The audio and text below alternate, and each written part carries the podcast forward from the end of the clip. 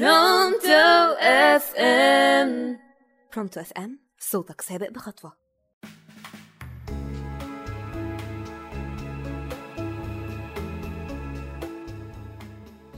للأسف ببدأ الحلقة وأنا متضايقة جدا لأن آخر حلقة من البرنامج. مش قادرة أوصف قد إيه انبسطت جدا معاكم. مش عارفة هنتقابل تاني ولا لأ بس كل اللي أنا عاوزة أقوله إنكم هتوحشونا جدا قوي ويا رب حلقة النهاردة تعجبكم. طبعا من مدة كان في موضوع قالب ال social media.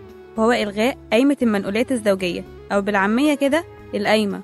وطبعا كعادة المصريين كمية كوميكس اللي طلعت على الموضوع وطبعا مؤيدين ومعارضين. اللي يقولك لا ده ظلم وليه الراجل يجيب كل حاجة مع إنه أصلا الشرع بيقول إن الراجل ملتزم بكافة تفاصيل الزواج. من الإبرة للصاروخ. وطبعا قليل من الستات اللي اعترضوا على الفكرة. من ناحية إن لو حصل طلاق مش هتلاقي حاجة تاخدها بما إن الراجل هو اللي جايب كل جهاز وعفش البيت. وغيره من الآراء حوالين الموضوع ده. طبعا الكلام ده صح بس أنا عندي وجهة نظر في الحكاية دي حابة أوضحها. هو إن العادات والتقاليد بتاعتنا حولت الزواج لصفقة. يعني مثلا أنا مع إني كل طرف يضمن حقه لكن الحب والاحترام بين الطرفين دول أهم حاجة. يعني الراجل مطالب إنه يجيب كل مستلزمات الجواز تمام ماشي.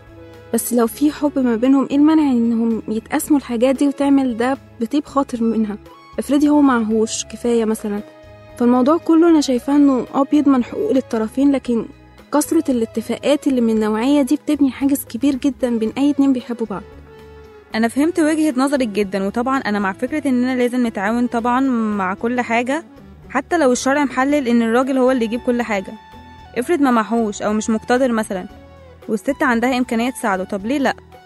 طبعا مستنيين آرائكم في الموضوع ده وتقولوا لنا مع أو ضد وليه واكتبوا لنا في الكومنتات.